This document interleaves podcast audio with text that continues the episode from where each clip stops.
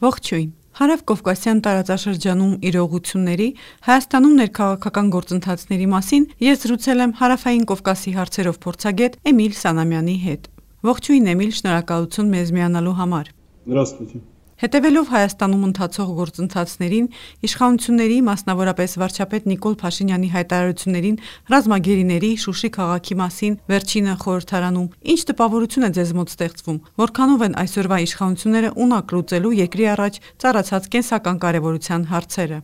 Конечно, это решать гражданам Армении, какие власти им иметь. Իհարկե, Հայաստանի քաղաքացիներն են որոշում ինչպիսի իշխանություններ ունենալ, սակայն կողքից դա շատ ողբերգական տեսք ունի։ Ոչ կոմպետենտության այն մակարդակը, որը ցուցաբերվեց Հայաստանի ղեկավարի կողմից պատերազմի ընթացքում, դրանից առաջ ու հետո, ուղղակի չի տեղավորվում ուղեղի մեջ։ Время войны, до войны, после войны, ну, он просто уму непостижим, можно сказать так вот։ Էմիլ, Հայաստանի ընդդիմությունը պահանջում է Փաշինյանի հրաժարականը, սակայն վերջինս կարծես չի պատրաստվում հեռանալ։ Ըստ ձեզ, առաջնորդի փոփոխությունը կարող է ինչ-որ բան փոխել այս բոլոր հարցերի, ռազմագերիների վերադարձի, անվտանգության հարցերի լուծման գործում, եւ արդյոք հարմար է Փաշինյանը Մոսկվային։ Ну, в каких-то вопросах, конечно, он удобен. Որոշ հարցերում իհարկե հարմար է։ Եթե խոսում ենք Ռուսաստանի դիրքորոշման մասին, որն այսօր շատ կարևոր է, եւ կարևոր էր մինչ այս իրադարձությունները եւս, նրանց տեսանկյունից նրանք լուծում են հարցեր, որոնք նրանց դեմ են դրվում։ Եթե կա Փաշինյանի նման առաջնորդ, որը նրանց դեմ ոչ մի հարց չի դնում եւ նրանց համար հարցեր է լուծում, ապա այդ տեսանկյունից նա իրենց հարմար է։ Սակայն երկարաժամկետ տեսանկյունից իհարկե կարծում եմ ռուսական ղեկավարության համար Հայաստանում նման իշխանություն ունենալը, հաշվի առնելով այն, որ Հայաստանը Ռուսաստանի համար այսպես թե այնպես գործընկեր է, չեմ կարծում, որ Ռուսաստանի շահերին համապատասխանում է։ Չգիտեմ որքան կձգվի այս իրավիճակը։ Ռուսական իշխանությունները հստակ ցույց տվեցին, որ նրանք չեն պատրաստվում ուղղակիորեն խառնվել այս հարցին, եւ այսօր Հայաստանում տեղի ունեցողը ընդհանուր առմամբ նրանց ձեռնտու է։ Скажем так, в общих чертах их устраивает։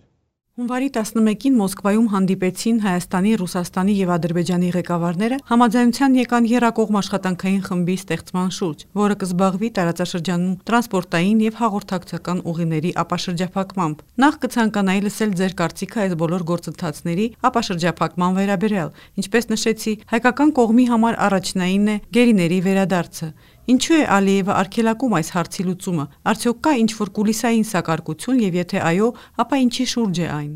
Ну да, я уверен, что, ну, во-первых, Азербайджан никогда не выдавал пленных или заложников ни за что. Նախ Ադրբեջանը երբեք հենց այնպես չի վերադարձրել ռազմագերիներին կամ գերիներին, որպես բարի կամքի դրսևորում։ Հայ-ադրբեջանական հակամարտության ամբողջ պատմության ընթացքում նրանք միայն փոխանակումներ են իրականացրել։ Երբեմն փոխել են ադրբեջանական ռազմագերիներին բենզինի կամ սոլյարայի ուղի դիմաց։ Ինչ որ բանի հետ փոխել են։ Այսօր Հայաստանը չունի ադրբեջանցի գերիներ կամ ռազմագերիներ։ Այդ պատճառով էլ ոչ մի բան ու ոչինչ չունենք հայ ռազմագերիների ռազմագերիների հետ փոխանակելու։ Հաշվի առնելով այն, որ Ադրբեջանն ունի հայ ռազմագերիներ եւ չի քննարկվել այն հարցը, թե ինչպես 60-ից ավելի մարդ հայտնվեց գերության մեջ, ուղղակի անհասկանալի է։ Ակնհայտորեն այստեղ ինչ որ լուրջ խնդիր կա ղեկավարության ու կազմակերպչական մակարդակով։ Ադրբեջանը Հայաստանից պահանջում է կատարել իր պահանջները, օրինակ, պաշտոնյաները Արցախ մեկնեն միայն Ալիևի թույլտվությամբ, որ հայկական զորամիավորումներ այլևս չլինեն Ղարաբաղում։ Կարծում եմ Ալիևը կապում է գերիների վերադարձը նրա հետ, որ Հայաստանը լիովին հրաժարվի Ղարաբաղից։ Ըստ իս դրա հետ կապ ունի։ То есть я думаю, это с этим связано։ Ինչ կասեք առևտրային եւ հաղորդակցության ուղիների մասին։ Ну, э, скажем так, э, это все там вилами по воде написано, да? Այդ ամենը դեռոթում կախված է այդ քարտեզի վրա։ Այդ քարտեզի մեծ մասը գոյություն չունի։ Այսինքն այնտեղ պետք է լրիվ զրոյից կառուցել։ Եթե նայենք Ռուսաստանի, նաև Ալիևի առաջնահերթ նպատակները, Ռուսաստանն այժմ Ղարաբաղում խաղաղապահների միավորում ունի եւ կցանկանար ունենալ թե զորակազմի, թե զինտեխնիկայի Ստեփանակերտ ուղիղ փոխադրման հնարավորություն։ Այսինքն նրանք ցանկանում են Ալիևի թույլտվությունը Ստեփանակերտում ավիաբազա բացելու համար։ Իսկ Ալիևի եւ ժամանակին Հեյդար Ալիևի ուսածը ցանկանում են Ադրբեջանից Մեղրիով Նախիջևան ուղիղ ճանապարհ, որpիսի այդ ճանապարհը վերահսկվի ռուսական զինվորականների կողմից եւ որpիսի նրանք առանց խնդիրների կարողանան մեքենայով ճանապարհորդել Ադրբեջանից Նախիջևան եւ հակառակ ուղությամբ։ Հետագայում նրանք հնարավոր է կցանկանան ընդլայնել այդ ենթակառուցվածքները, զրոյից կառուցել երկաթուղի, քանի որ այն երկաթուղին, որ կա Օրդուբադի եւ Հորադիզի միջև, գոյություն չունի։ Զրոյից պետք է կառուցել նաեւ Կարսի ու Նախիջևանի միջև ճանապարհը։ Դրա համար տարիներ կպահանջվեն։ Այն ինչ կոմերսանտը ներկայացրել է իր քարտեզում շատ տեսական է։ Այսօր ուղիղ հարցերը հետևյալն են։ Ռուսաստանը ցանկանում է թեթևացնել դեպի Ղարաբաղ զինծառայողների ու տեխնիկայի տեղաշարժի լոգիստիկան, իսկ Ադրբեջանը տարբեր մարդկանց ու միջոցների լոգիստիկան դեպի Նախիջևան разных людей и средств нефтевания. То есть вот это то, что они хотят добиться. Ռուսաստանցի քաղաքագետ ԱՊՀ երկրների հարցերով փորձագետ Արկադի Դուբնովը Civilnet-ի հետ զրույցում նկատել է, որ Մոսկվան այսօր շահագրգռված չէ Լեռնային Ղարաբաղի կարգավիճակի հարցի լուծմամբ, սակայն հնարավոր է որոշ ժամանակ հետո Ռուսաստանի կողմից վերահսկվող տարածքը վերածվի Ռուսաստանի հովանավորյալ տարածքի, այսինքն Ղարաբաղը կդառնա ռուսական։ Ինչպիսին է Լեռնային Ղարաբաղի ապագայի վերաբերալ ձեր տեսլականը։ Կիսում եք այդ կարծիքը։ Ну, это очень многое зависит от того, Դա մեծապես կախված է Հայաստանում ու Ղարաբաղում իրադարձություններից։ Այս պահին Ղարաբաղի հայկական բնակչության զգալի մասը վերադարձել է Ղարաբաղ, սակայն վստահ չեմ, ինչ տոկոսային հարաբերակցությամբ, որովհետև ռուսական իշխանությունները խոսում են Ղարաբաղ վերադարձողների մասին, իսկ Ղարաբաղից դուրս եկողների մասին ոչ մի տեղեկատվություն չկա։ Այսինքն 50000 մարդ վերադարձել, սակայն չգիտենք նրանցից որքանն է մնացել, որքանը հեռացել։ Մենք գիտենք, որ Քելբաջարից ու Քաշաթաղից հայկական զորքերի դուրսբերումից հետո բնակչությունը լքեց այդ շրջանները։ Դա ավելի քան 10000 մարդ է, եւ այդ մասին չեն խոսում, որ դա տեղի ունեցավ հայկական զորամիավորումների դուրսբերման եւ Ռուսաստանի ու Ադրբեջանի պահանջի արդյունքում։ Որքանով կայուն կլինի Ղարաբաղի հայկական բնակչությունը մեծ հարցականի տակ է, հաշվի առնելով այն հանգամանքները, որոնց այժմ ականատես ենք լինում։ Այն ինչ բարբերաբար տեղի ունենում՝ մարդկանց գերում, ռազմագերիների սպանություն, սեփականության արգրավում եւ այլն։ Այսինքն կցանկանան մարդիկ այնտեղ բնակվել։ Դա մեծ հարց է։ Եթե լինի նվազագույն անվտանգություն, իհարկե ամեն ինչ մեծապես կախված է Հայաստանի հետ։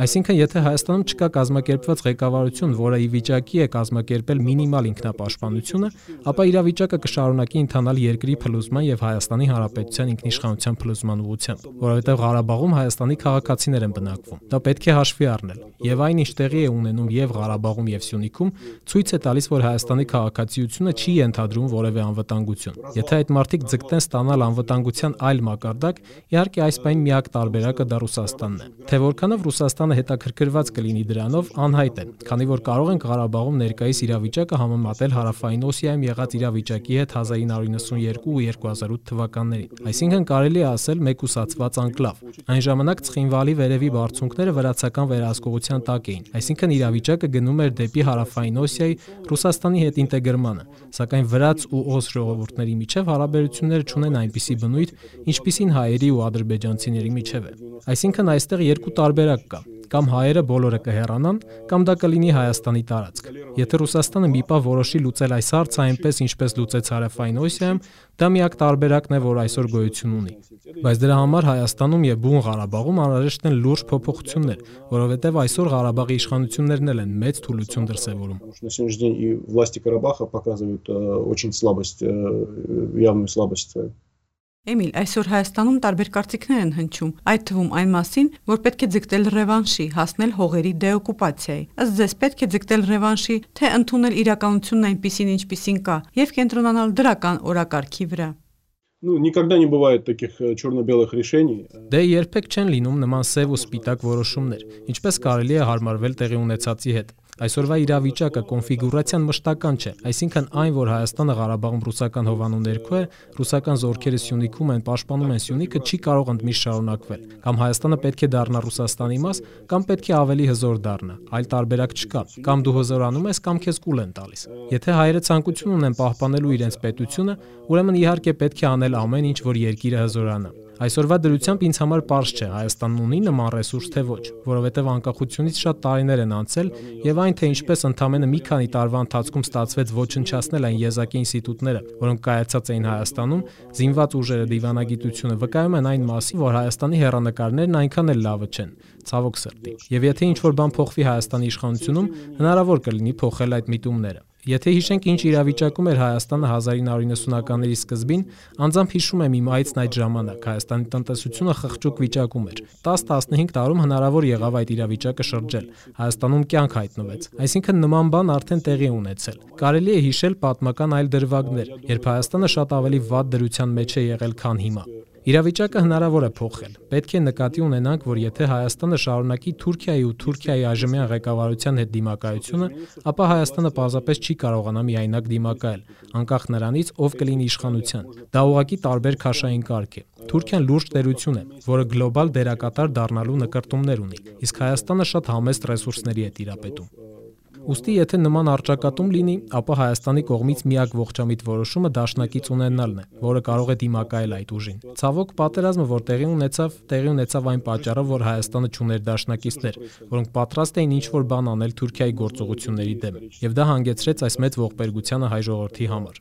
Դրա համար պետք է ղեկավարություն, որը կարող է հաշվարկել այս ամենը ինչ ռեսուրսներ ունի Հայաստանը, ինչ ռեսուրսներ ունի հակառակորդը, կարող է Հայաստանը դիմակայել դրան եւ որքանով։ Ցավոք այն ոչ կոմպետենտության մակարդակը, որ ցուցաբերվեց Հայաստանի ղեկավարության կողմից, ցույց տվեց, որ նրանք կարող էին ոչ պատրաստվել այդ իրադարձություններին, ոչ էլ գործել այդ իրադարձությունների տրամաբանությանը համապատասխան։ Ոչ ոք չի ասում, որ Ռուսաստանը Հայաստանի համար անհատույց որևէ բան կանի, սակայն Հայաստանը պետք է առնվազն ինչ որ պահանջներ ներկայացներ, որովհետեւ եթե Հայաստանի ղեկավարությունը հանրայինորեն նույնիսկ օգնություն չի խնդրում Ռուսաստանից, Դա խոսում է այն մասին, որ Հայաստանը նրանց տալիս է անվճար տոմս։ Եթե Հայաստանը օգնություն է պահանջում, սակայն Ռուսաստանը չի արձագանքում, ապա դա լուրջ հարված է Ռուսաստանի նկատմամբ ունեցած վստահությանը։ Այս հարցերը պետք է հասկանալ, սակայն ես այդ միտումը չտեսա Հայաստանի ղեկավարության կողմից։ Эти вопросы нужно понимать, и, к сожалению, я не видел понимания их со стороны руководства Армении։ Կան նախադրյալներ ըստ ձեզ, որ Հայաստանը դառնա Ռուսաստանի մաս, ստեղծվի դաշնային պետություն կամ ինչ-որ այլ ձևաչափեր։ Այս մասին եւս հաճախ կարծիքներ են հնչում։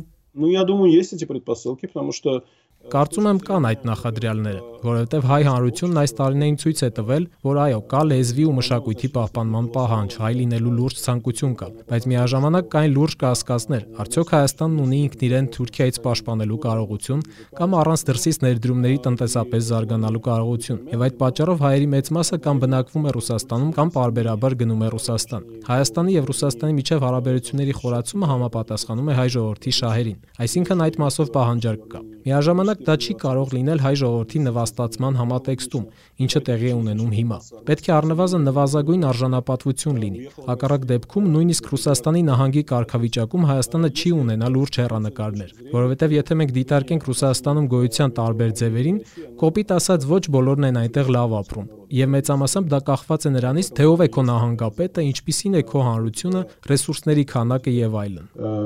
количество ресурсов и всего остального։ Շնորհակալություն Էմիլ։